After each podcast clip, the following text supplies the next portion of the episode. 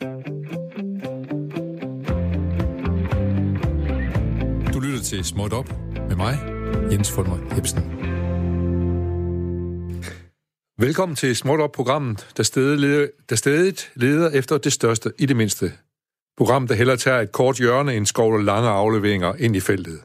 Program, der ved, at en bossa nova kan svæve som en sommerfugl og summe som en bi og lette på selv den tungeste stemning. Oh,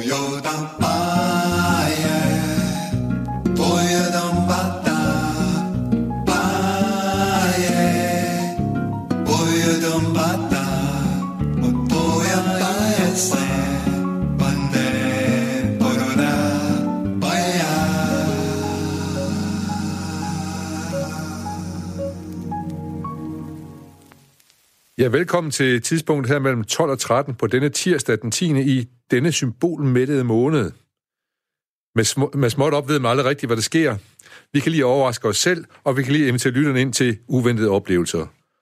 Programmet er en dør, der går op. Spørgsmålet er, hvem kommer ind? Man kan kun svare, godt spørgsmål. Det eneste, vi med sikkerhed kan sige, er, at det altid starter med en bitte ting. I dag er den bitte ting små dyr. Ikke små kattekillinger eller kanariefugle. Nej, det er faktisk endnu mindre dyr i insektstørrelsen. Men først, så kan vi måske lige nå en, øh, kan vi måske nå en lille breaking øh, nyhed her, jeg lige har fået ind. Det er nemlig sådan, at venstrepolitikeren Sofie Løde, hun er tidligere minister for blandt innovation, og hun har efter flere forliste forhold opgivet at finde kærligheden. Men så traf hun Ole, og så satte det bare bang på, det helt rigtige, på den helt rigtige tosseforelskede måde. Vi håber, vi på et tidspunkt skal gifte, siger den tidligere minister, men hvis det sidste skal ske, så er det ligesom en, der skal fri først. Og det er så underforstået, at det i hvert fald ikke blev Sofie Løde, der lægger sig på knæ. I et øh, uh, BT-interview fortæller vi uh, øh, Venstreprofilen blandt andet, at mens hun venter på, at uh, Ole skal ned på knæ, så nyder hun at gå lange ture i skoven med Oles hund, en golden retriever, der hedder Bailey. Spændende, siger vi her. Men også her på Småt Op, så kan vi, kan vi også glade for, at vi kan hjælpe folk, for hvis I på et tidspunkt er deltager i et per, Trivial Pursuit eller et bedste hvor spørgsmålet skulle dukke op omkring, hvad, hvad Sofie Lødes kæreste hund hedder, så ved I nu, at den altså hedder Bailey. Godt. Så skal vi se, om vi øh, har hold igennem på telefonen. Det har vi ikke. Så går vi videre til det næste punkt som kommer nemlig, vi skulle handle om små dyr i dag. Og øh, de små dyr i dag, det er insekter. Og øh, vi har en gæst i studiet i dag, som er... Ja, undskyld, vi har fået, undskyld, vi har fået hul igennem nu til øh, telefonen, så begynder jeg lige et andet sted, fordi... Beklager lige... Øh, beklager tumultet her, men øh, sådan er det. Som jeg sagde, det er en dør, der går op. Vi ved aldrig helt rigtigt, hvad der kommer ind. Som sagt, så skal det i dag handle om små, de små ting. Det handler om dyr, ikke kattekillinger eller kanariefugle. Det er dyr i insektstørrelsen. I går læste jeg om det vilde vulkanudbrud i New Zealand, og det påminder mig om, at der er noget, som kaldes sommerfugleeffekten, også kendt som kaosteorien. Jeg har aldrig helt forstået, hvad sommerfugleeffekten helt præcis går ud på. Andet, end man ved, at man siger, at en sommerfugls vingeslag kan føre til et jordskæld. Det lyder selvfølgelig besnærende og lidt smart, men hvordan hænger det sammen, og har det relation til virkeligheden? Det vil, det vil til en start finde ud af, og til, til hjælp til det, så får vi uh, hjælp fra, undskyld, der får vi hjælp fra Lars Folke Olsen, lektor i Miratus, Institut for Biokemi og Molekylær Biologi på Syddansk Universitet. Velkommen, Lars. Vi er glade for, at du er her. Ja, tak for det. Uh, det glæder mig at være med.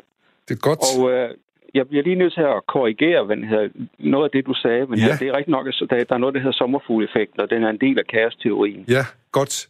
Og øh, den, øh, men den, den øh, tilskrives en meteorolog, der hedder Edward Lorenz, og den relaterer til, at små ændringer af atmosfæren kan afgøre, om du får en rolig dag eller en orkan. Okay. Ikke et jordskæld. Nej, nej, men det er bare sådan, det har man nogle gange set skrevet, ikke også, at, at, ja. at de, de ting hænger lidt sammen. Men, men, kan du, men hvad er, et, øh, hvad er sommerfugleeffekten? Jamen, sommerfugleffekten, den, altså, eller jeg vil hellere sige, den er jo en del af kaosteorien, ja. og hvad den hedder. Og uh, kaosteorien, den handler egentlig om, forudsi- og om forudsigelighed. Ja. Og, og især sådan om, om fænomener, som kommer i bølger. Uh, det er en teori, der den er ret ny, eller forholdsvis ny, uh, inden for naturvidenskab. Den blev færdigudviklet i slutningen af 1970'erne og begyndelsen af 80'erne. Ja.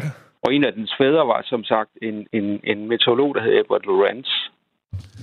Ja. Og når vi nu vender tilbage til forudsigeligheden, så det er fordi i dag vi har computer med enorm regnekraft, som vi bruger til at forudsige øh, forskellige hændelser, som for eksempel vejret, Ja, eller klimaet, eller verdensøkonomien, eller jordskælv for den sags skyld. ja, Men alle, alle de her teorier, de kommer til kort over for kaos. klart. Øh, Klart, siger Og, jeg så. øh, Men hvorfor gør de det? Fordi kaos, det, er- Jamen- det, det, op, det er noget, der opstår pludseligt, uden vi øh, ved noget om det, eller hvad? Ja, jamen det handler egentlig om, at, at øh, hvis vi tager sådan en, en situation som vejret, ikke, så den her, hvis ikke meteorologerne de kan måle lufttrykket øh, med, med fuldstændig korrekt, de kan måle vindhastigheder fuldstændig korrekt, øh, så er alle de forudsigelser, som de prøver at lave, de vil, de vil hele tiden de vil afvige stærkt fra hinanden. Altså en forudsigelse vil afvige fra den næste forudsigelse. Ja, Og lige pludselig så står vi med en situation, hvor vi ikke kan forudsige noget som helst. ja klart nok. Men, men hvor kommer sommerfuglen så ind i billedet? Fordi det her program, det handler om små dyr, og så tænker jeg, jeg skal vide, hvad det Ja. med sommerfugle det er for noget, ja. Jamen, ja, men, men det var fordi, at, at for at bruge et billede på det, så øh, øh, som sagt, øh, tidligere nævnte Edward Lorenz, han brugte et billede, en, meta- en metafor, hvor han sagde, at, øh, at et vingeslag af en sommerfugl i Brasilien, den kan fremkalde en tropisk orkan i Texas. Sådan var det. Og kan du lave, Sådan den, kan, du, kan du lave den rækkefølge? Hvordan kan det lade sig gøre, øh, ifølge ham og hans teori? jo, en- men, men det relaterer netop til, hvad den hedder, at, øh, at meget, meget små ændringer øh, kan føre til meget store udsving. Ja, Øh, og øh, det gælder for eksempel inden- for mete- meteorologien. Det gælder også inden for klimaet, det gælder inden for verdensøkonomien, det gælder også inden for nogle af de områder, som jeg selv har beskæftiget Klart. mig med. Det er smitsomme sygdomme eller hjerterytmen. ja, ja. At øh, for eksempel, hvis vi, hvis vi tager sådan et eksempel, nu er det jo ved at være influenza-tid, og øh, hvis vi tager den her, øh, et eksempel, at, at vi, øh, vi vil gerne, vi vil gerne, vi vil egentlig gerne kunne forudsige, om vi får en, en influenzaepidemi i år eller ej. Ja, Men, men det kan være nogle ganske få, Få, tilfælde der af, af, det. af, af smittede, der afgør, om vi får en kæmpe effekt ja, eller en kæmpe epidemi ja, øh, nu her til foråret eller ej. ja. Så, så måske, øh, vi kan godt begynde at forudsige et eller andet, men måske træder kaos-teorien i, øh, i, øh, i, i funktion, og så får vi en, en kæmpe stor epidemi måske, som vi ikke havde forudset. Ja. Ja. Men, men tilbage til sommerfuglen der, når, når han nu forudsiger, at det kan blive til en tropisk storm i Texas, har han så lavet nogle, har han så lavet nogle øh, punkter undervejs? Eller siger han bare, at sommerfugle ving, vingeslaget fører til tropisk storm, eller siger han, Jamen, det er jo fordi, at, den hedder, at vi, vi, vi, øh, selve kaosteorien, den hedder også øh, ikke-lineær dynamik. ja, Og det vil sige, at, at ting er ikke proportionale. Godt, Altså en lille ændring, den kan fremkalde en meget større ændring. Ja. Ja. Så den hedder, et, en lille, en, en, en, lille, øh, et vingeslag af en sommerfugl, den kan fremkalde et, et vindpust lidt Ja. ja. længere væk, som så igen fremkalder et endnu større vindpust lidt længere væk, og så den hedder, indtil det ender med, den hedder, at det bliver en, en kæmpe orkan. okay, så det er det, det lille, som skubber til, no, til noget er stille og roligt, og så bliver det stort til sidst. Ja, og, og det, det, det skubber, det er, hvad hedder, det er ikke proportionalt med, med, med, med den effekt, det får. Det er, hvad hedder, det, effekten, så den er meget større end den, end den øh, virkning, som vingeslaget giver. giver, ja, det er klart. Og vi kan ikke, vi kan ikke sådan omvendt proportionelt sige, at fordi der er et, et, et, et, et øh, hvad hedder det, en, en, øh, en, en øh, storm i øh, Texas, så, blev det, så kan vi føre det tilbage til, at der er en eller anden øh, sommerfugl nede i, i troberne, der slår med vingerne. Nej, det kan vi Det kan nemlig vi ikke, nej. Vi kan ikke, føre det, vi kan ikke føre det tilbage igen, her, men, men det, det, det er nok et eller andet, der har fremkaldt det. Men en, en lille ændring, der har Ja, fremkaldt klart. en, en meget stor. Ja. Men det er klart, jeg er også med på, at det er en metafor. Det er sådan set en meget øh, smuk, og, øh, meget smuk metafor. Så men således oplyst, øh, øh, Lars Folke, tusind tak skal du have, fordi at du stiller til rådighed for at gøre os en lille smule klogere på kaosteori og sommerfugleeffekter. Tak for det. Ja, velbekomme. Tak. Hej. Så kan jeg sige goddag til øh, Lars Brøndum. Velkommen til, Lars, biolog og naturhistoriker fra Naturhistorisk Museum i Aarhus. Ja. Du ved en hel masse om, også om små dyr, små insekter. Det er ikke lige sommerfugl, du har, der er dit speciale. Hvad er det lige dit speciale, det er? Jamen, jeg er egentlig meget bred inden for entomologien, altså det, der hedder læren omkring insekter. Så det er både bier, det er sviger, fluer, det er bier, og det er egentlig også sommerfuglene. Okay, så du kender også godt til sommerfugle-teorien og sommerfugleffekten. Ja, den ja. har jeg hørt om. Ja, men det er ikke en, du, du sidder og studerer og forsøger at... Nej, det er, kaosteori ligger lidt uden for Det ligger ude for dit område, der er. Øh, Men du, er, du er særlig ekspert i svigerflue og biller, har jeg hørt noget om. Ja, lige præcis. Ja. Øh, det er to grupper, jeg har arbejdet meget med. Svigerfluerne blandt andet, fordi de er vigtige i forhold til bestøvning. Og så er det en stor gruppe, relativt velundersøgt gruppe, der kan sige noget om, hvordan naturens tilstand her i Danmark egentlig er. Ja, altså jeg er nødt til, jeg er bare helt vildt nysgerrig. Hvad trigger dig til at sige, det skal sgu være svigerflue? Jamen, det er et godt spørgsmål. Øhm, og egentlig var det nok dengang, jeg begyndte at kigge på insekter, der var der ikke lige nogen i, øh, i, i de grupper, jeg gik i, der havde svigerfluer som, øh, som særlig interesseområde.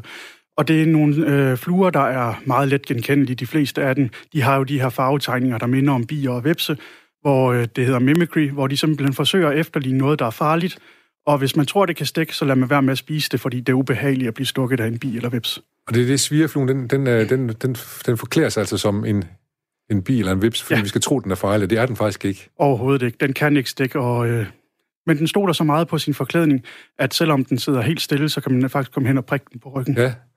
Nå, men det vil så sige, at det er en eller anden form for øh, sommerfugleffekt, der har ført til, at du endte med, med, med svigerbilen, fordi at Først var, der ja. var, det, det, fluen var taget, og nogle andre ting var taget, og så efterhånden blæste, blæste du hen til svigerbilen. Lige præcis. Ja. Der var lige uh, lidt tilfældigheder, ja, ja. der bar mig i den ret. Ja, klart. Og hvad, og hvad med biler? Hvad er det så for en størrelse? Hvorfor, hvorfor er de særlig interessante for dig? Åh, oh, jamen, biler er bare fantastiske på flere måder, fordi de er så forskellige formet. Jeg er glad for, at du siger det. Jeg vidste, du ville være begejstret for det. det ja. Fordi der er mange, der ikke er begejstret for biler. Men det, ja. det er rart at høre nogen, som også er begejstret for Jamen dem. altså, nu kan jeg ikke huske, hvem der er citeret for det, men øhm, der, der har været en naturhistoriker engang, der har sagt, at øh, Gud han må have haft en forkærlighed for biler.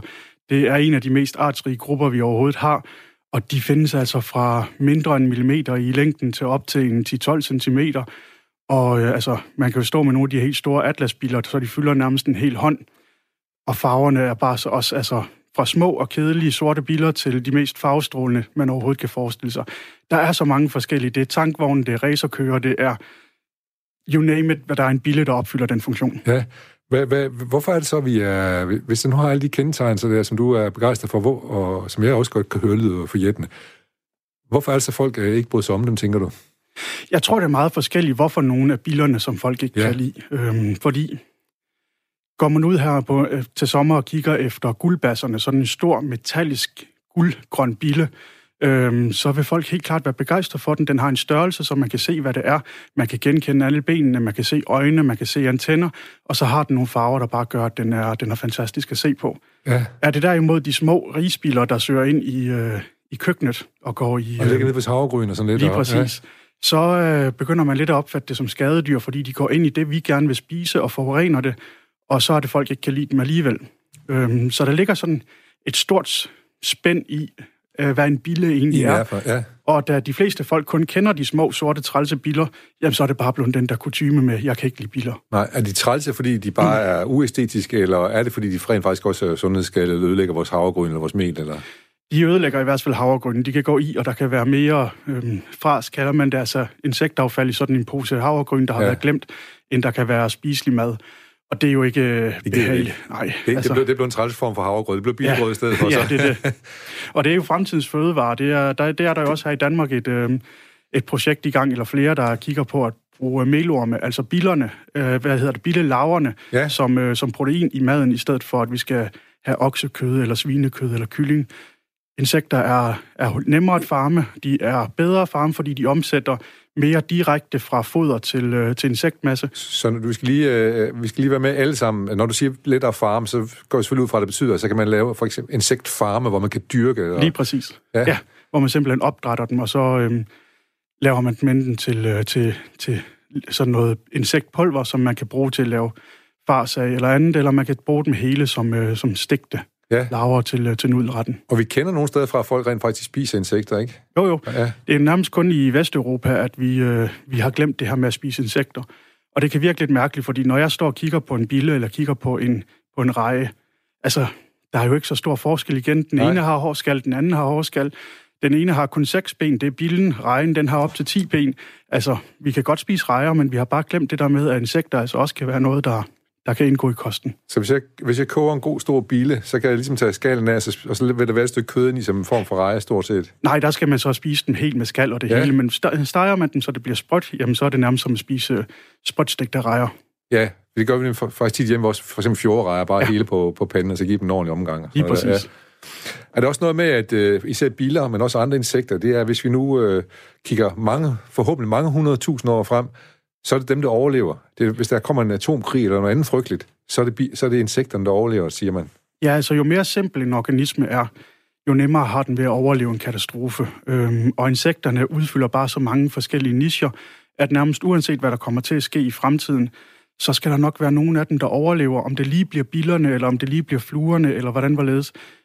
Det, er, det vil næsten være uundgåeligt en eller anden form for insekt, der overlever, og så øhm, vil genbefolke verden. Ja, så vi er simpelthen for, vi er simpelthen for øh, kinesisk udviklet, han har sagt til, vi kan overleve de der... Vores systemer er for komplekse. Ja. Både vores hjerne, men også vores, øh, vores indre, indre struktur. Ja. Og så er mennesket ikke ret godt til, til at... Øh, altså, vi kan tilpasse os mange forandringer ved, at vi kan tage tøj på, eller tage tøj af, vi kan bygge huse, der kan beskytte os imod tingene, men vi har sådan en relativt snæver grænse, hvor indenfor vi kan overleve. Tager man til, øh, til Antarktis, jamen, så skal der da i hvert fald en god pelstrøje og et, øh, et hus til, for man kan overleve længere tid. Ja, det skal være pengvin. Lige præcis. Ja. Øhm, er, så... det, er det egentlig insekter på Antarktis? Nej, det er, der nej, der er for koldt. Der er simpelthen for koldt, Lige præcis. Antarktis. Det, der blæser en gang imellem øh, døde insekter ind, fordi de flyver højt, og når de så bliver taget af vindene, jamen så kan de godt ende ind over Antarktis og falde omkring. Man har fundet øh, både insekter og æderkopper på toppen af Himalaya-bjergene, men der er så koldt, de ikke kan overleve. Det er bare fordi, de bliver ført op ved et tilfælde, og så, øhm, så dør okay, de. så det, det er faktisk ligesom at finde en nål i en høstak og finde et insekt på Antarktis, kan ja. man sige, selvom det er dødt også, ja. og det må det jo være. Der kommer, altså, de, øh, de frysetørrer jo og bliver helt sprøde, og så går de i stykker, så ja. det, er, det er nærmest umuligt. Ja. Øh, hvilke insekter øh, øh kan vi se øh, på den her tid over, og hvor skal vi gå ind for at, møde dem, og blive gode venner med dem? Jamen lige i øjeblikket, fordi vi har så mild en vinter, som vi har det indtil videre, tager man ud i skoven, øh, her i Aarhus kan det jo passende være rigskov, og et sted, hvor der ligger godt med blade, sådan et godt, øh, god dynge døde blade, som ligger på skovbunden, og tager man det op i, øh, i hænderne, eller spreder det ud på en, øh, en hvid du eller andet, og begynder at lede det igennem, der vil være små jagtederkopper, der vil være bænkebider, tusindben, skolopenter og biler. Der vil faktisk være rigtig, rigtig meget liv. Ikke så meget som på en højsommerdag, fordi de fleste af vores insekter er enårige. Ja. Så det vil sige, når de klækker øh, fra larve, så skal de nå at gennemgå en hel livscyklus på, på, på et år. år. Og der er nogle af dem, der går i, i øh, dvale om vinteren, og så først kommer frem til foråret igen og så videre. Men der er altså nogle stykker, som er flereårige, og nogle af dem, som også, medmindre det er strengt, strengt først, så kan man så altså finde det, okay. Men, og, men et år, det er trods alt længere end døgnfluen lever, kan man så sige. ja, altså, det, det er den stående joke, men, men ja. døgnfluen lever faktisk også et år, hvis man tager ja. hele lavstadiet med. Det er kun som voksent individ, okay. at øh, døgnfluen lever en dag. Ja. Men du sagde en skedelendrum eller sådan et eller andet. Hvad er det for et lille insekt, du lige fik nævnt der mellem bænkebiderne? Øh, skolopenter. Skolopenter? Ja. Øh, som er, der er nogen, der kalder ja, dem for 100 ben. Ja. Øh, de har rigtig mange ben. Det er også sådan et aflangt øh, øh, kræ, som har nogle store kæber op foran. Det er faktisk et af de få dyr, der kan give mig myrekryb. Ja. Ikke lige de danske arter. Øh, de er sådan set fredelige nok. Ja. Men tager man ned til troperne, så er nogle af de her kæmpe skolopenter, de er, de er giftige. De har et kraftigt giftigt bid. De er ikke bange for noget som helst. Og så har en af mine undervisere på universitetet engang fortalt mig en historie om, at da han lå i telt i Australien, der var der nogle af de her skolopenter, der stødte på teltet, og i stedet for at gå udenom, så tænkte jeg, jeg bider bare hul i teltet, og så går jeg går ind igennem, igennem teltet. og endte i soveposen. Hvor stor er sådan en djævel? Jamen altså, den kan jo komme så op på... Så laver du 20-25 cm? Ja, en, en 20 cm kan de godt komme op på. Nå, men der, der er masser af god mad i sådan en. Det er der, ja. øhm, men sørg for at tage hovedet af den, inden man begynder at give sig i kast med den. Okay, for jeg kan jo så lige spørge Alice Skov Nørgaard, som sidder her ved siden af ved om bier, som vi skal tale med senere, men kunne du finde på at spise en skulopenter der, lige sådan ah. grille en skulopenter her til sommer, og så... jeg vil nok starte med noget mindre. Måske ja. nogle bilaver, ja. nogle dronelaver. Ja. ja. Som jo også nogle steder er en delikatesse. Præcis. Ja. Hvor er det henne, man spiser laver? Og jamen altså, tager vi særligt til Afrika eller det sydøstlige Asien, så er der en, en stor industri i at farme eller samle insekter. Og det er, det er laver og alt muligt. I det sydøstlige Asien, der, øhm, der gør man det også med, med vævermyrer. Der er det, det er lidt ligesom med bierne. Der er en dronning, der sørger for at holde styr på det hele. Og så laver de ellers en, øh, en koloni øh, op imellem øh, trækronerne, hvor de fletter blade sammen af, af, øh, fra træet, og så ja. laver de ellers deres øh, koloni derinde. Og når man tager sådan en ned, det er med, med lidt, øh, lidt forsigtighed, fordi de bider altså, hvis de kan komme til det. Øhm, og åbner den op, så ligger der masser af små hvide laver derinde, eller de kan blive relativt store, ja, ja, ja. og de skulle være en delikatesse i det sydøstlige Asien. Okay, det, siger, det skulle være, du har, ikke, du har ikke fået godbiden endnu? Nej, jeg har ikke været så heldig at være i de områder. Nej, men Alice, du snakker om det, du starter med. Har du prøvet at spise laver så, eller? Jeg har prøvet at spise en enkelt, fordi jeg ligesom følte, jeg skulle. Ja? Ja, ja. Den smagte ikke rigtig af noget. Nej, man skal nok spise flere, tænker du ikke det? jo, eller måske gøre noget ved dem. Tilsætte dem noget og riste ja. dem og sådan noget. Ja. ja. Altså insekter, jeg tænker, de må, de, de må have en eller anden vigtighed for, for, vores, øh, for mennesker også. Altså, de må, der, er en, altså, der er en grund til, at vi alle sammen er her. For, forhåbentlig også, at der er en grund til, at mennesker der er, men insekter må også være en grund til, at de er for, for, det, helt, for det helt store. Kig på den helt store natur. Ja, men altså, det er jo den, den evige diskussion i forhold til, skal, øh, er, er øh, biodiversiteten, er artsmangfoldigheden vigtig for mennesker, eller kan vi klare os med mindre, end hvad der er i dag? Øhm, og der er... Jeg vil så sige, det er ikke, det er ikke en diskussion, jeg har sådan deltaget særlig meget i. Det må være inde i dit fagområde. Det, det, må, det, det må, hvor der er en diskussion. Det er inden for biodiversitetsfagligheden, hvor ja. der bliver snakket om, om det her, og hvor, øh, hvad det er for argumenter, man skal bruge for at begrunde, at vi skal beskytte den øh, biodiversitet, alle de forskellige ja, arter ja. insekter, som, Sidder så som det er ligesom to politiske på 10 år for hinanden, når der er konferencer og... Nogle gange lidt. Nogle gange, øh, mange af diskussionerne foregår på de sociale medier. Der har biologerne og forskerne faktisk været gode til ligesom at indtage det medie også, og indgå i dialog med, med folk, der har interesse og, for det. Og måske på en lidt mere objektiv, urban måde, end den bliver brugt til visse andre ting. Ja, ja. Nå, fortæl lige om, hvad er, det for en, hvad er det for en debat, så der er? Jo, men det, og det, det, altså, skal vi argumentere med øh, arternes bevarelse ud fra en nyttighedsprincip for os mennesker, eller skal vi, øh, øh, skal vi argumentere ud fra, at arterne har en begrundelse i sig selv? Og kigger vi på det, jamen, så er der helt klart arter, der er nødvendige for, øh, for os mennesker, vores, øh, vores velstand eller vores øh, velfærd, vores levestandard osv. Måske lige for overlevelse. Øh, Ja, det er egentlig et godt spørgsmål, hvor, hvor langt vi kan trække den. Bierne er jo et af de øh, eksempler på, øh, på en art, der bestøver rigtig mange af de planter, som vi, vi spiser. 70 procent af de planter, vi spiser, bliver bi, bibestøvet. Øhm, det udgør så ikke mængdemæssigt også 70 procent. Vi kan jo komme rigtig langt med kornprodukter, med kartofler og med alt muligt andet. Ja, altså, det ja, bliver klar. bare en, en kedelig kost.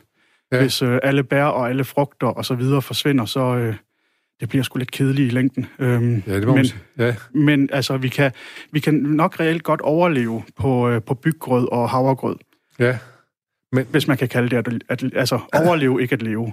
Øhm, så er spørgsmålet, og i hvilken grad insekterne er nødvendige for at, øh, at bibeholde nogle sunde økosystemer, hvor øh, den Øh, det vil sådan set, det er mit spørgsmål, det vil ja. Øh, melde sig, eller øh, min og tvivl der, vil melde sig, ja. Ja, og der er nogen, der helt klart er vigtige der. Bierne til at bestøve blomsterne, ja. øh, møgbiler til at grave lort ned fra de store dyr, så den vi ikke går og, og rundt i, i gammel møg op til knæhøjde. Det var jo for eksempel et af de udfordringer, man havde i Australien, at deres, øh, deres store øh, dyrearter, det var kænguruer, og de havde simpelthen, da man indførte køer til Australien, så havde man ikke nogen dyr, der kunne rydde op i en øh, kokasse. Nej. Så man var nødt til at importere møgbiler fra, jeg mener, det var Sydafrika, fordi de går ind i de her kokasser, så graver de øh, møget ned. De graver simpelthen lorten ned i en 20 til 40, wow. 50 cm dybde, og gøder på den måde de øh, områder, hvor, øh, hvor de, de, øh, de gør det her. De gør det for, at de selv kan lægge et æg, så deres larve kan udvikle sig. Men, men funktionen er også, at de får fjernet meget af den lort, der ligger på overfladen. Det bliver simpelthen ført, øh, ført væk. 40-50 cm ned, de må ja. være, hvor store er det? Hvor store er møgbiler? Eller møg? Jamen, de nogle øh, skarnbasser er jo op på en... Øh, på en halvanden centimeter, måske i længden, måske lidt større end det. Ja. Men mange af dem er altså nede i en, øh, en størrelse, hvor vi taler 4-8 mm. Og de kan stadigvæk grave, øh, grave ret langt ned i jorden. Grave en kokas godt langt ned? Ja. Det er bare et spørgsmål om, at der er nok af den til at gøre det. Jeg, jeg ser en undre over, man ikke kan begynde at, at, at lave øh, dansk spil på det her også, og, og gamble på, hvor, hvor, og sætte rekorder på hovedet. Man kan, ja. de kan grave en kokas ned af de her biler her, men man kan ikke lave sådan nogle økosystemer, man kan sidde og overvåge på tv og sådan noget. Jeg tror, det bliver kedeligt tv i længden, det, det fordi der sker også. ikke ret meget. Altså, det er, så lige når der falder en kokasse, så vil man kunne følge, men det sker jo også relativt langsomt, at øh, de første gødningsfluer kommer til, så ser man de første møgbiller og møggraver. Skarnbassen kommer måske også til. På et eller andet tidspunkt begynder rovbillerne, fordi når du først har et sted, der tiltrækker masser af planteæder, ja. som, øh, som møgbilerne reelt er. Ja. De spiser jo bare omsat plantemateriale, det der har været spist af konen i første omgang. Jamen, når der er planteæder, så kommer der rovdyr, og det er rovinsekterne, og det er både rovfluer og rovbiler og alt muligt andet. Ja. Så man kan godt følge sådan, men det sker jo i en, i en periode på hen over et par dage, øhm, og så foregår det ellers under kokassen, hvor de øh, simpelthen graver direkte lodret ned og begynder at, øh, at fragte gødning ja, ned ja. i, øh, i redden. Det, lød, det lyder som om, du har haft næsten godt nede i det her øh, tema her. Jamen altså, der er, der er nogle steder i Danmark, hvor en uvendt kokasse er et særsyn, fordi det er der, jeg huserer. Sig lige det igen. Hvad, hvad gør du der? Jamen, jeg går ud og vender kokasserne. Ja. Simpelthen for at se, hvad der er af forskellige arter i. Ned under? Ja, og der, der er masser af forskellige arter, og der er nogle af dem, der er sjældne, og det er jo lidt det, som en entomolog som jeg, vi er på jagt efter. Det er det sjældne, det er hittet. Det er der, hvor vi kan tage et billede øhm, og sende til kammeraterne og sige, prøv lige at se, hvad du er gået glip af. Hvad, hvad har du taget af den slags billeder selv? Og det er både øh, en, en stor imponerende rovbille, der hedder humlerovbille. Øhm, den ligner faktisk en humlebi, det er derfor, den hedder humlerovbille. Ja. Øhm, plysset, den, den burde nærmest være lavet til plysdyr på nu. Altså, den er virkelig fin at kigge Eller tegnefilm for Disney? Eller tegnefilm, ja, den ville også være fin. Ja. Øhm, og når vi er ude at se sådan nogen, eller når vi er ude at finde månetorbist på Samsø, som er en fin stor bille med kæmpe næsehorn på, øh, på snuden, eller sjældne sommerfugle, eller alt muligt andet, jamen, der er lidt, øh, der er lidt øh, voksenmobning over det, fordi det gælder altså om at gøre de andre øh, misundelige Misundelige. over ikke at have været med på turen. Det er klart. Har du, hvad, hvad er det seneste, du har set, hvor du... FUCK, jeg var ikke med på den tur. Damn. Åh, det er der, Det sker det, hver dag. det, det, det sker en, jævnligt. Øhm, her i sommer var det en tur, som nogle af de biologistuderende på, øh, på, på universitetet var på, øh, så hvor de var ude at se ulv i Vestjylland. Øhm, og de sad, simp- de sad i længere tid og f- kunne følge den her ulv i kikkerten og se, hvordan det var en, øh, en, en ravn havde udset sig ulven som mobbeoffer. Så den blev ved med at flyve hen over ryggen på, oh. på ulven og dykke ned for at, øh, at jage den væk. Ja, Og det er sådan nogle oplevelser, det er nærmest once in a lifetime. ja, Øhm, ja, det er uset for de fleste af os, må man sige. Det, ja. Så det er, det er helt klart en af de store ture, der, øh, der står på, det burde, der burde jeg have været med. Der burde du have været med. Ja. Jeg synes, det er faktisk også lidt uretfærdigt, synes jeg, du ikke var. Ja, men det, ja. der var arbejde i vejen. Arbejde kommer altid i vejen for det, der er interessante. Men du formidler jo også viden, det er en del af dit arbejde til børn og sådan noget. Hvor, hvor, hvorfor, hvor, hvorfor er det vigtigt at gøre det? Jamen, vi vil gerne... Og hvordan gør du det også? Ja. Jamen, vi har, i øjeblikket har vi et projekt på museet, der hedder 99 arter at se, før du bliver voksen. Og øhm, det er et øh, projekt henvendt til børn og unge, fordi vi mener simpelthen, at der, det bidrager til naturoplevelsen, når man kan gå ud og, øh, og sætte navn på noget af det, der faktisk er derude. En ting er, at man går igennem en, en skov og siger, jamen der er nogle træer, der er måske også nogle blomster, og så er der noget, der, der flyver i luften, nogle fluer eller et eller andet, men det svarer jo lidt til at tage til Paris og sige, at man har set bygninger. Altså, Ja. det er, det er der ikke ret meget information, der er ikke ret meget oplevelse. Er det, er det dit øh, indtryk, at børn gerne vil have en naturoplevelse, eller er de lidt, lige, er de lidt skide ligeglade? Børn synes, at, øh, at natur og insekter er spændende, Ja. øhm, fordi at, at særligt hvis tingene har en interessant fortælling, hvis de kan noget specielt, hvis de, øh, de kan noget, som man ikke lige forventer af det, så er, så er øh, insekter og dyr, de er altid interessante. Og, øhm, og jo mere man ved om det, altså jo flere navne man kan sætte på, jo, jo mere oplever man på en tur. Jeg har været ude for at øh, gå en tur ude i Nationalparken. Øhm, jeg var guide, og, øhm, og havde sendt en familie ud til at gå en tur ud- af en, en rute, og de kom tilbage efter en tre kvarter og sagde, at det var egentlig en fin tur. Der var jo øh, pæne udsigter og så videre, men, øh, men ellers så så de egentlig ikke rigtig noget. Og så sagde jeg, prøv lige, prøv lige at følge med mig her. Og så gik vi 50 meter op af den sti, som de lige havde gået på. Og så fandt vi sommerfugle som øh, bredpander og blåfugle og ildfugle. Vi fandt løbebiller, vi fandt flere forskellige æderkopper, vi fandt græshopper og så videre, bare fordi, at de lige pludselig fik, øh, fik syn for, hvordan man skulle kigge på naturen. Ja. I stedet for at gå og kigge langt ud i horisonten, så var det det, der skete tæt på. Så skal man nærblikke på det, eller Lige præcis. Ja, ja. Og det gør bare, at man oplever vanvittigt meget mere. Mine forældre er ved at være trætte af at gå tur med mig, fordi Ja. ja. øh, vi når jo knap at gå 20 meter, før jeg finder noget nyt, og, nyt, og så skal vi lige ned Ja, ja, ja. ja. og kigge nærmere, jeg skal have taget Nej, billeder. Lars, der er og, ikke en kokasse derovre. det er der ikke. Det er nej. ikke en kokasse. Jamen, det er det. Forsøger at lokke mig med, ej, der ligger ja. en pæn kokasse lige her fremme. Ja. Den falder ikke for længere. Det, ja. men, men det tager bare længere tid for mig at gå en tur, fordi jeg hele tiden ser noget, jeg, jeg ved, hvad er, og kan en fortælling om. Og, og derfor, øhm, altså, der er den der oplevelse af naturen og i naturen. Så for dig, der kan man sige, at det kan godt være spændende at tage på en stor øh, safari i Afrika. Garanteret, vil du synes Det gør vi også. Det er, Men, men, men, men du, der findes altså også nogle øh, insekt- øh, eller øh, safari med smådyr, hvis man gider åbne øjnene her i Danmark. præcis mikrosafari. Ja. Øhm, og der er altså dyr, der er lige så interessante som, øh, som løver. Vi har også rovdyr, der, når man kan følge sådan en rovbil, der går på jagt, og den kaster sig over en larve eller en, en øh, anden bille eller, eller noget i den stil. Altså, det er jo en drabelig kamp på liv og død, der udfolder sig nøjagtigt, som hvis man ville se løven gå på jagt og skulle nedlægge en zebra. eller zebra, ja, ja, ja, ja. Det, er, det er bare i miniformat, og det bare, drejer sig bare om at, at få øjnene op for det. Men bruger du øjne, eller har du forstørrelsesglas med ud, når du, man gør det der begge Ja. dele? Ja, lidt af begge dele, men primært bruger jeg øjnene, fordi når det bliver for småt, så er det også, øh, altså, det, man kan godt øh, gå efter det med lup, men, men så ja. tager det altså ja. endnu længere tid at gå ja. fra A til B. Hvis, øh, hvis det er noget, man kan se med de blotte øjne, så, så er det... Så, så, det, det, så det er en god idé at have gode øjne, hvis man gerne vil ja. studere svigerfluer, biler og andre insekter og sådan noget der. Ja. Jeg er glad for din entusiasme. Jeg er helt sikker på, at der må være studerende, der står i kø for at komme til at studere svigerflue efter det her. Selvom jeg var, jeg var lidt skeptisk over, at der var nogen, der gjorde det, men det kan jeg ja. godt forstå, hvorfor det man egentlig gør det. Vi skal lige om lidt, så skal vi, øh, øh skal vi høre om... Øh, bien. Jeg vil gerne, hvis du har lyst til at blive, og måske kan deltage lidt i snakken også med alle omkring uh, bier, og, uh, som hun er, så er ekspert på. Men først så skal vi lige have en lille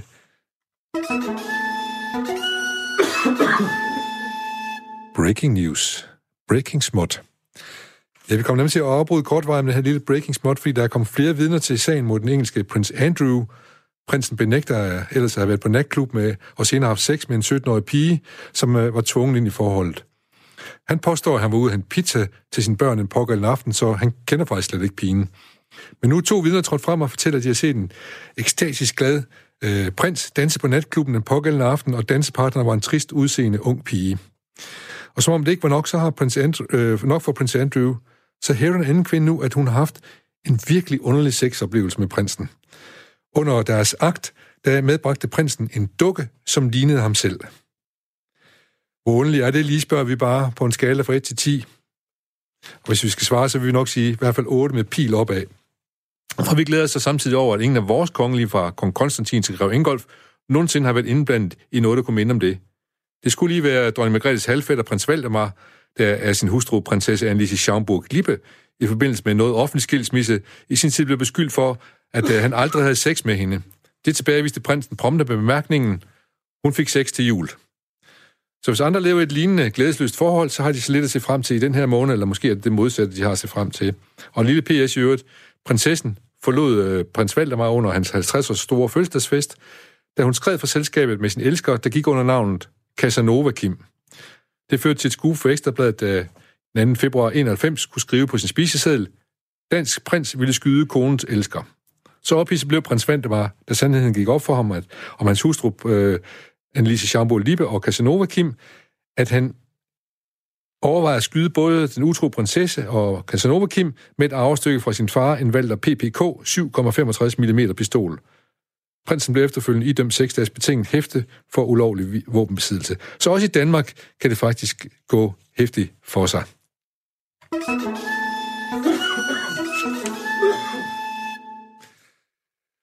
Og så Alice, ja, vi startede her udsendelsen næsten med at præsentere dig, fordi jeg ikke var sikker på, at om Lars har noget kommet. Det gjorde du så heldigvis.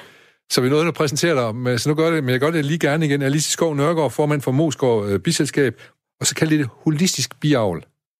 Ja, vi kalder det holistisk ja. biavl. Fordi, Hvad er det for en forening? Ja, det er en, en biavlerforening med øh, et bredt sigte, kan man sige. I stedet for kun at koncentrere os om, om honningproduktion, så kigger vi også øh, på biernes aktion bredt.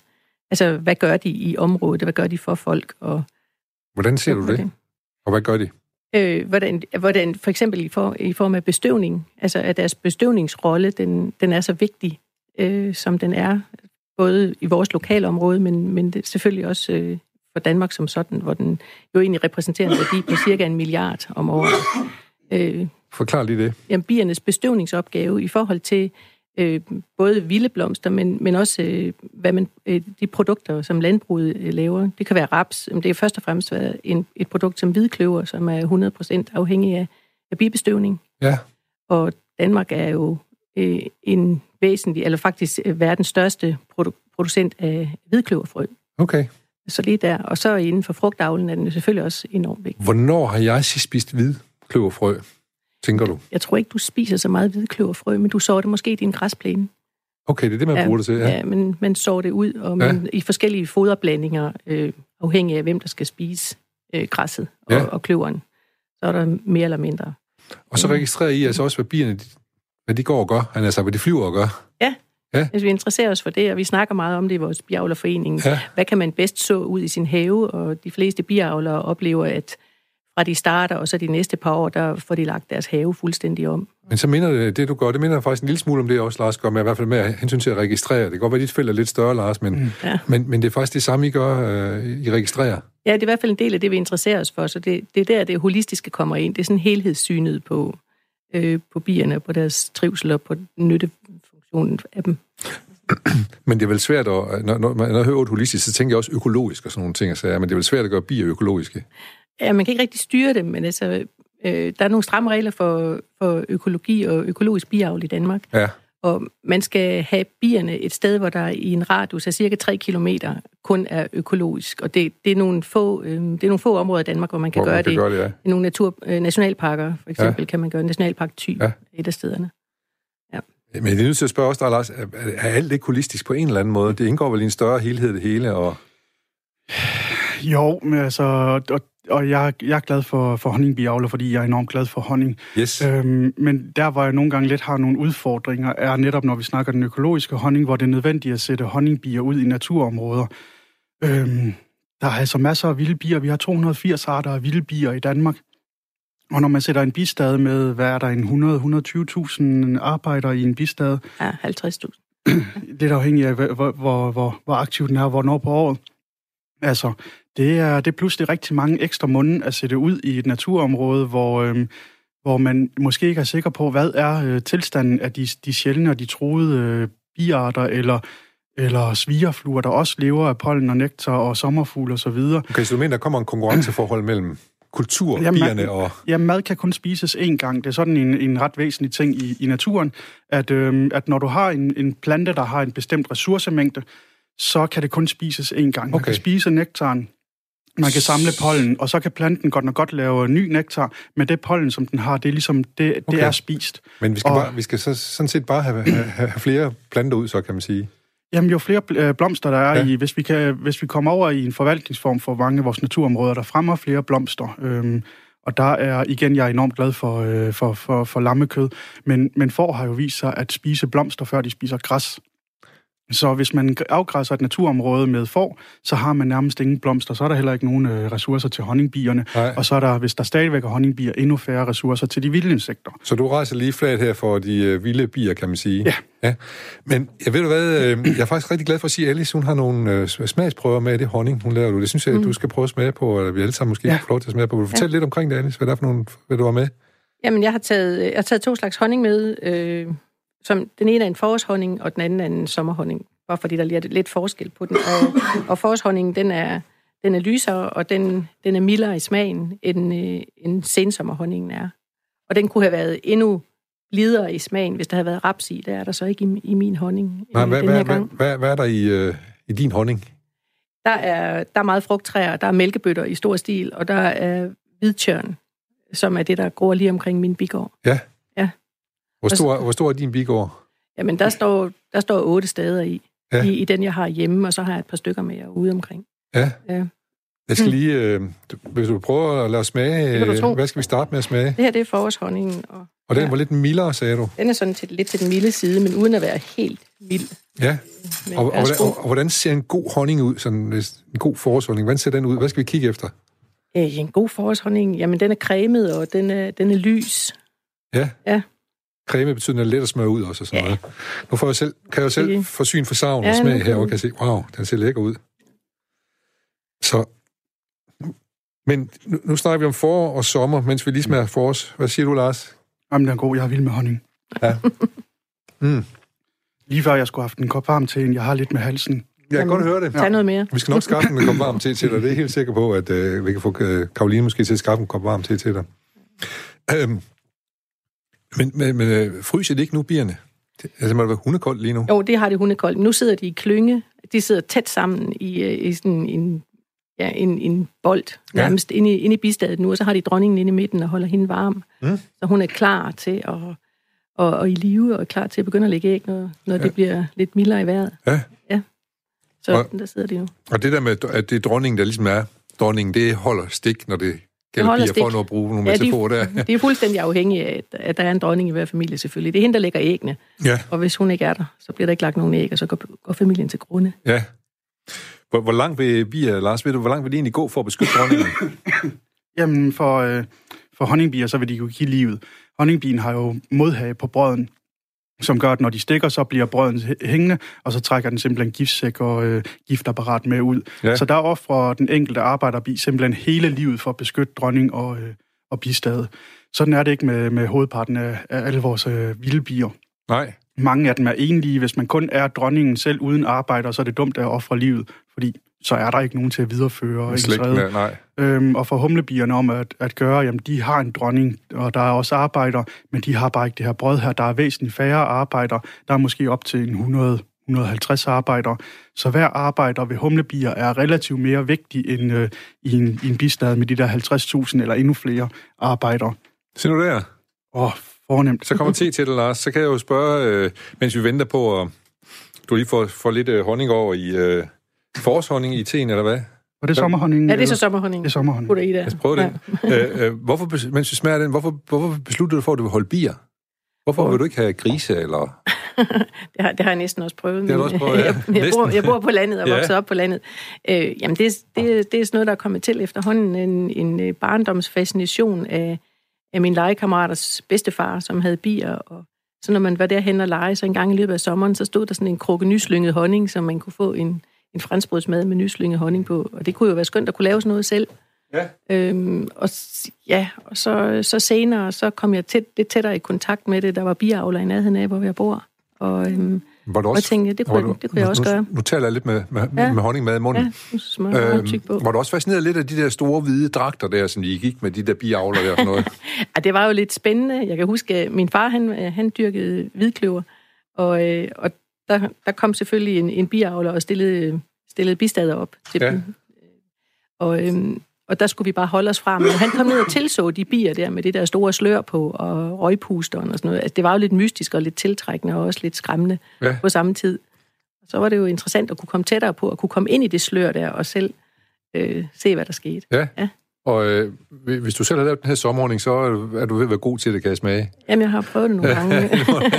det må jeg sige. Hvad, hvad, hvad, hvad, kan du sådan kort øh, beskrive processen fra, øh, du, man stiller bistadet op i sin have, eller hvad man nu gør, til man står med en honningmad i hånden? Altså, vi laver et begynderkurs hver år for, for nye øh, biavler, og de starter ja. i marts måned, og vi plejer at sige til dem, at de kan slynge deres første honning i juni. Ja. Så man indkøber en, en bifamilie og stiller den i et bistade i, i haven, og så passer man den efter, sådan som den nu skal passes med, at den skal have plads nok, så den ikke sværmer. Og så når vi når hen cirka midt i juni, så kan man faktisk slynge første gang. Der slynger man så forårshonningen, og det er, ja. typisk, det er typisk mælkebøtterne og frugttræerne og sådan noget og der, der sidder i det. Ja. Og ja, det slynger man så ud med en honningslynge.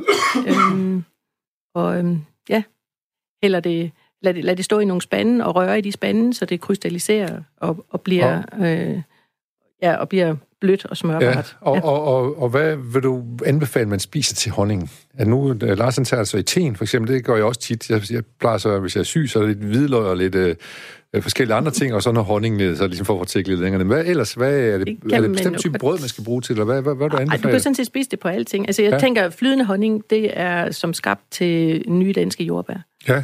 Det smager fantastisk godt sammen. Man kan spise det oven på ym og på yoghurt. Ja. Det er også rigtig dejligt. Du kan bruge det i salatdressinger. Øh, ja, og så masser af honning med, og du kan bage skønne kager af, altså, med honning i. Ja, og som sødemiddel ja. også. Ikke? Sødemiddel altså, kan man bruge, ja. Jeg bare erstatte hvidt sukker med det. Formodentlig sundere sødemiddel end, øh, end sukker, ikke? Ja, det diskuteres jo meget, om ja. det er sundere, men det er jo nogle andre sukkerarter, der er i end, end det hvide roesukker, kan man ja. sige. Altså, det er nogle lidt længere kæder, det, det tager lidt længere tid at, at optage dem øh, i kroppen. Så ja. nogen vil påstå, at diabetikere kan spise begrænsede mængder af honning. Øh, andre siger, det kan de ikke, og det, det er en, en diskussion, som jeg ikke kan blande mig så meget i, for så meget kemi så meget kan jeg ikke. Nej, nej, nej. Men det er heller ikke, det er heller ikke lige dit område. Der, det, det, er ikke lige sukker, der er de, der, nej, der er de specielle der hvide Human fysiologi er, er lidt væk fra insekterne. Ja, det må man sige, ja. Men, øh, men hvad ellers kan man... Er det, er, det, er det kun honning, man kan trække ud af, af det der, eller er der, er der andre glæder, man kan få ud af... Øh, for jeg går ud fra, at bier, det er ikke, ikke nogen af dem, de insekter, vi skal til at, at begynde at farme på at spise senere hen. Øh, så, men er der andre nyttige ting, Altså, nu du siger at farme på det, så altså, for at bekæmpe varroamiden, der skærer vi jo i starten af sæsonen, der skærer vi øh, øh, dronetavler ud. Det vil sige, at man tager drone larver ud, og det, det er jo handbierne, der droner. Og dem kunne man jo i virkeligheden, altså dem kan man jo give til sine høns, men man, kan jo, man kunne jo i princippet også spise dem. Ja, ja. Så det er den ene ting, man kunne tage ud. Noget andet, som man er begyndt at få mere øje på, befinder sig i bistadet. Det er, nogle af, det er nogle af de andre ting, som man længe har brugt, specielt i Tyskland og, og i Sydøsteuropa. Det er sådan noget som pollen, ja. bipollen, ja. som bierne jo bærer ind, og øh, som de bruger til foder deres laver med. Det er meget proteinholdigt og indeholder en masse andre vitaminer. Er det er det, det, man kalder, er det propolis, eller hvad er det? Eller Nej, det er pollen. Det, det er pollen, pollen er en ting. Øh, det er sådan nogle små gule, okay. gule orange, grønne er det, korn. Er det nogen, man kan nipse lidt til, eller hvad? Dem kan du nipse til. Jeg har ja. taget nogen med her. Så. Jeg ved ikke, om Lars skal putte med sin te. Det skal du nok ikke. du bare. Det kan du godt. ja, øh, det, det må være møgsundt, tænker jeg. Det er møgsundt. Der ja. er alle mulige vitaminer og, og andet godt, og mineraler i det. Og oh, enormt blomster, de smager. Mm. Der, det er en meget mm. blomsterrig smag. Mm. Ja. Smager, smager ja. godt, men man skal nok ikke spise en hel skål der alene af det. Nej. Men, men det, det, det smager meget distinkt og lækkert, synes jeg, det er. Ja. Det kan man gøre. Du kan, man kan jo spise det sådan der, dryste over sin yoghurt om morgenen, eller du kan blande det op i en smoothie, eller du kan ja, ja, ja, gøre alverdens ja. ting med det. Øh, det er en af de ting, man kan udvinde. Den anden ting, man kan tage, finde ud af, det er, det er propolis, som du nævner. Ja. Og propolis er et stof, som bierne indsamler fra, øh, fra bladknopper. Okay. Øh, fra træernes knopper, det der klistrede, harpiksagtige stas. Og det, øh, det bearbejder de så, og de bruger det som tætningsmateriale. Hvis det trækker ind i stedet, så tætner de øh, Nå, okay. med, med propolis. Det er sådan noget rigtig klisterstats. Det er byggemateriale, kan man sige, ja. men samtidig er det også deres eget antibiotika, som holder dem sunde. Og, og det, øh, det kan man også bruge. Du kan for eksempel lave øh, propolis salve af det. Så hvis du okay. har, hvis du nu skåret dig på din, eller ja. revet dig på dine roser, så lige giver det sådan et lag, så, så heler så, du ja, altså ret hurtigt. Det, det, det, det, som min, ja. min mor, hun har som 8-hour cream, eller sådan noget engang. Ja, hvor jeg sådan det er biernes 8-hour cream, lige ja. præcis. ja. Eller man kan bruge det som tinktur. Det her, det kan opløses i sprit. Ja. Øh, hvis jeg skal have det af mine handsker og mine hænder, så, så bruger jeg sprit til at tage det af. Men, ja. men, det men man i, spiser det ikke sådan direkte sådan der? Det kan man godt gøre. Altså, jeg kender gamle biavler, der, der siger, at, at, at, at hvis de får ondt i halsen, så, så går de og spiser sådan en flage her. Ja, må vi smage øh, en flage? Ja, endelig. Spis jeg er nysgerrig. Spis løs. Lars, vil du have en flage? Ja. Jamen, det kan være, det kan tage det der kriller i halsen. Jeg kan godt høre, det, du ja. sat noget i gang med det. Der var noget, der blev løsnet ja. op, ja. der du fik. Men ellers så kan man jo opløse det i sprit eller i stærk alkohol, som sagt. Og så kan man ja. lave øh, sådan en, en tinktur, som det her er. Ja. Øh, og det er så i en sprayflaske, så du kan simpelthen sprøjte det direkte ned ja. på din ømme hals. Okay. Øh. Det er simpelthen tyk på Harpix. Ja. det er jo også for en stor ja. del vedkommende Harpix. Ja. ja. Så det er nogle af de, de ting... Øh, der er nogen, der så som... blander det op i honning også. Ja. Øh, sådan her. Så. Mm. Ja.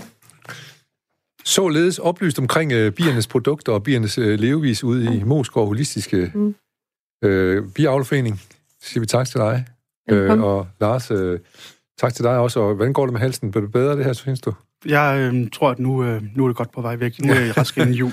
jeg skulle bare lige have det der propolis der, ja. tænker jeg. Øh, måske jeg måske lige inden jeg, siger helt pænt farvel tak til dem, øh, Alice. Øh, øh, dine produkter, sælger du dem til... Øh, hvor, hvor, altså, laver du selv propolis om til... Nej, til, jeg, til altså, jeg sælger, og sådan noget, eller hvad? Eller? For øjeblikket sælger jeg kun honning, men, men det er min plan at starte på at, at, at udvinde propolis ja. og, og også pollen ja. Ja, i den kommende sæson. Nå, men rigtig god bedring til jer begge to, og øh, længe leve alle de små dyr i den danske undergrund i hvert fald, det vil jeg sige. Og så er vi nået til dagens digt. Det hedder Livet i badeværelset. Mit univers ser jeg fra en fordybning i væggen. Forniklede rør, der rejser sig, bøjet, snoet afløb, hvide hospitalsagtige fliser og bruserens flueøjne, hvorfra den milde forårsregn trods alt falder. Jeg vil bruges, bliver brugt, når det grønlige vand ligger citrende under den elektriske pære, vil jeg bruges, bliver brugt. Min funktionalistiske læme løftes op af hænder, kærtegns gnides bevæges. Jeg formerer mig mellem hænderne og vandet, glider over hud og hår, knupper en armhule og bliver til bobler i skinnende chateringer. Jeg vil bruges og opbruges. Men tag mig ikke hårdt. Kom ikke med gale hænder og kryst mig. Bliv fra min krop med disse knugende hæftige hænder. Jeg er ikke for fastholdere. Fang mig og jeg forsvinder i vandet. Smutter, flygter som fisken, slår op i glinsende blink, vil ikke tages. Mærk som min farlighed, jeg ligger stille, fortættet, inaktiv bag din hæl. Træd et skridt tilbage, og mærk mig det sidste sekund, før du som en brølende bue slynges bagover mod den tørre lyd, der fremkommer, når kraniet møder Karls kant. Så vidt hedder det i digtet Liv i badeværelset af Claus Riffbjerg for digtsamlingen Konfrontation, som ligesom indvarslede modernismen i dansk litteratur. Og nu kan vi så høre, at vi har en sød lille melodi på vej her. Den fortæller os, at vi skal stille og roligt bevæge os ud af den hypnose, vi har befundet os i den sidste time her i Småt Op. Jeg kan lige nå at sige, at man kan skrive ind til program. Det er lille snabelag radio4.dk. Lille snabelag radio4.dk. Og man kan også faktisk høre programmerne her på øh, podcast, hvis man har lyst til det. Jeg vil for eksempel gerne høre det her program en gang til snart. Jeg synes, det er vildt spændende med de der insekter, som jeg ikke ved så meget om. Men som sagt, vi er på vej ud af hypnosen nu. Om lidt så knipser jeg, klapper jeg hænderne, og så er du ude af hypnosen. Nu kommer nyhederne 10